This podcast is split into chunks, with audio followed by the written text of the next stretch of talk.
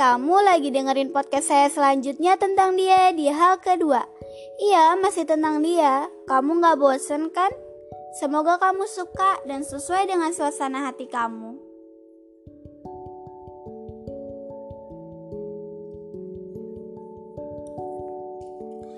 Cukup, saya sudah cukup untuk menyakiti diri saya sendiri. Tolong jangan sakiti saya juga dengan semua sikap manis kamu ke saya. Terlalu sering saya mengeluarkan air mata. Terlalu sering juga saya melamuni kamu. Katanya cinta itu nggak pernah salah.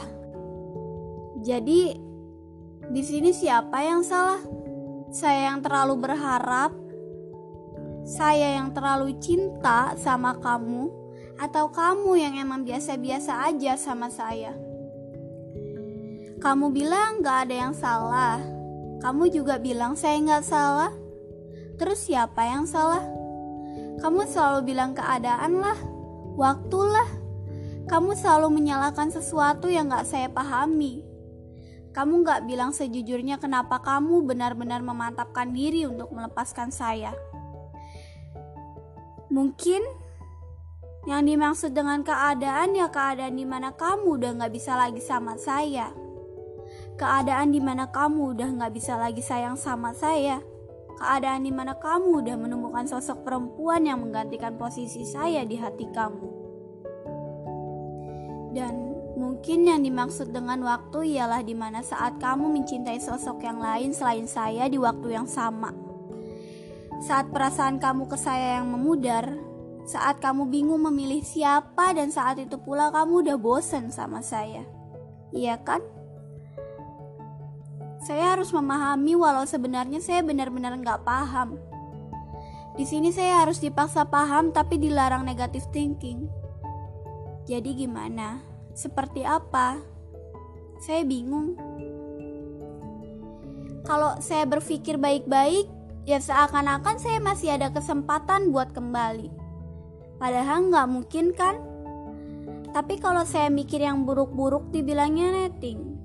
Saya bingung Padahal saya pengen banget tahu apa yang sebenarnya terjadi.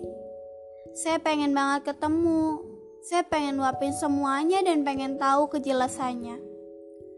Tapi saya nggak kuat. Waktu kamu minta ketemu aja saya nolak sebenarnya ya karena saya takut untuk bertatap langsung sama kamu. Tuhan, saya pengen lupa dia. Saya pengen bahagia tanpanya. Karena dulu pun saya bisa bahagia sebelum mengenalnya. Dia kan bilang kalau perasaan ini tepat di waktu yang salah. Jadi saya mohon untuk bisa melupakannya di waktu yang bersamaan dan itu tepat. Saya nggak mau berlarut dalam kesedihan yang gak ada gunanya karena menangisinya hanya menyia-nyiakan waktu yang seharusnya bisa berbahagia dengan orang lain yang lebih darinya. Karena merindunya hanya menghabiskan waktu muda yang seharusnya bersenang-senang dengan orang baru, atau mungkin orang-orang yang selalu ada dari dulu.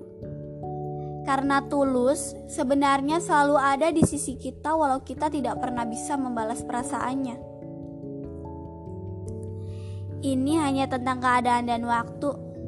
Bisa jadi memang keadaan saat ini belum tepat dan waktunya memang belum pas. Mungkin nanti kita, saya dan kamu bisa menjadi orang yang berbahagia dengan pilihan kita masing-masing.